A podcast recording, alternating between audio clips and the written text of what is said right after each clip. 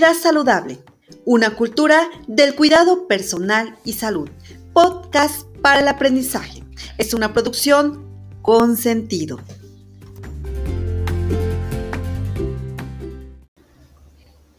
Hola, estimados alumnos del primer año Grupo A del Centro Escolar Coronel Raúl Velasco de Santiago.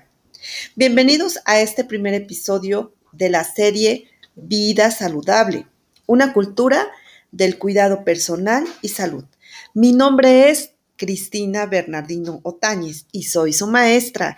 Y vamos a ver en este episodio sobre la basura orgánica y la inorgánica, algunos ejemplos y cómo separarla. Comenzamos.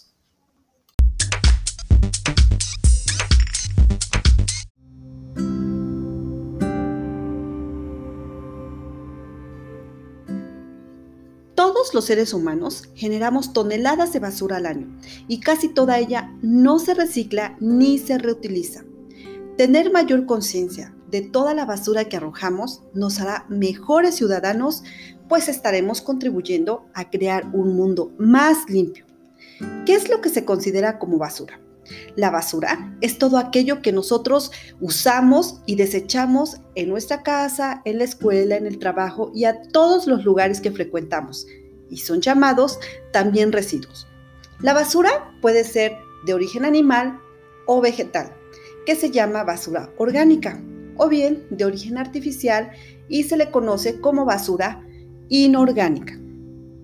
Toda esta basura que generamos en nuestra casa, en el trabajo, en las escuelas, puede ser clasificada de acuerdo a los contenedores de reciclaje con sus colores verde para la basura orgánica y gris para la basura inorgánica. Bueno, y te preguntarás, ¿qué es la basura orgánica? Como dijimos anteriormente, son todos los residuos de origen animal o vegetal es decir, del reino de los seres vivientes. Se caracteriza porque desprende un olor horrendo, feo. También se descompone rápidamente. Son altamente reutilizables y pueden ser muy amigables con nuestro planeta. También causan menos contaminación. Algunos ejemplos de esa basura está el papel, cartones, botellas, servilletas, hojas, ramas, troncos, cáscaras de huevo, frutas, aceites, semillas o carne. También encontramos plumas, excrementos de animales, inclusive del ser humano, saliva, uñas, mudas de piel, restos de seres en descomposición. Estos son algunos ejemplos y hay miles pero solo hay que pensar un poco para comenzar a verlos. ¿Qué es la basura inorgánica entonces? Bueno, es un tipo de residuo característico por ser creado por el hombre, es decir, artificial. Y su uso muchas veces es muy dañino para el planeta en sí. ¿Por qué? Porque afecta de manera permanente la vida en la Tierra.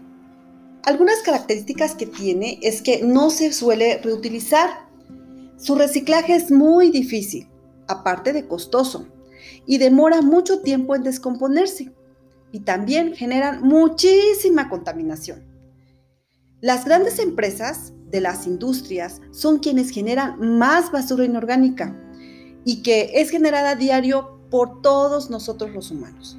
Por ejemplo, entre la basura inorgánica vamos a encontrar botellas de vidrio, plástico, envases de plástico en general, baterías y pilas, electrodomésticos, neumáticos, ruedas, aerosoles, spray, de todos los tipos de spray que tú puedas ver, de las pinturas, del desodorante, CDs, DVDs, residuos hospitalarios, por ejemplo, jeringas, sueros, gasas, pañales de la gente que está enferma y que le tienen que poner un pañal desechable, eh, materiales de la construcción, latas de refrescos y conservas de aluminio, entre otros. Comenzar a clasificar la basura orgánica e inorgánica es el primer paso para un gran cambio. Y lo mejor es que solo debemos seguir los colores de los contenedores y depositar allí nuestra basura. Recuerda que la basura y la forma en que la tratas habla bien de ti. Tenlo en cuenta. Así que olvidémonos de salir a la calle y arrojar nuestra basura al piso. Hay que buscar siempre un contenedor. Hasta aquí con este primer episodio y te recomiendo que observes cómo separan la basura en casa tus papás o familiares y comparte con ellos lo que hoy has aprendido.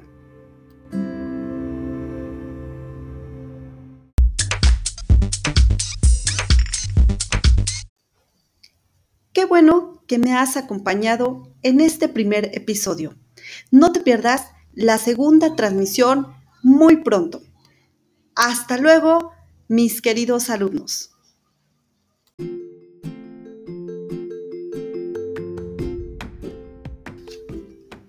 Vida saludable, una cultura del cuidado personal y salud.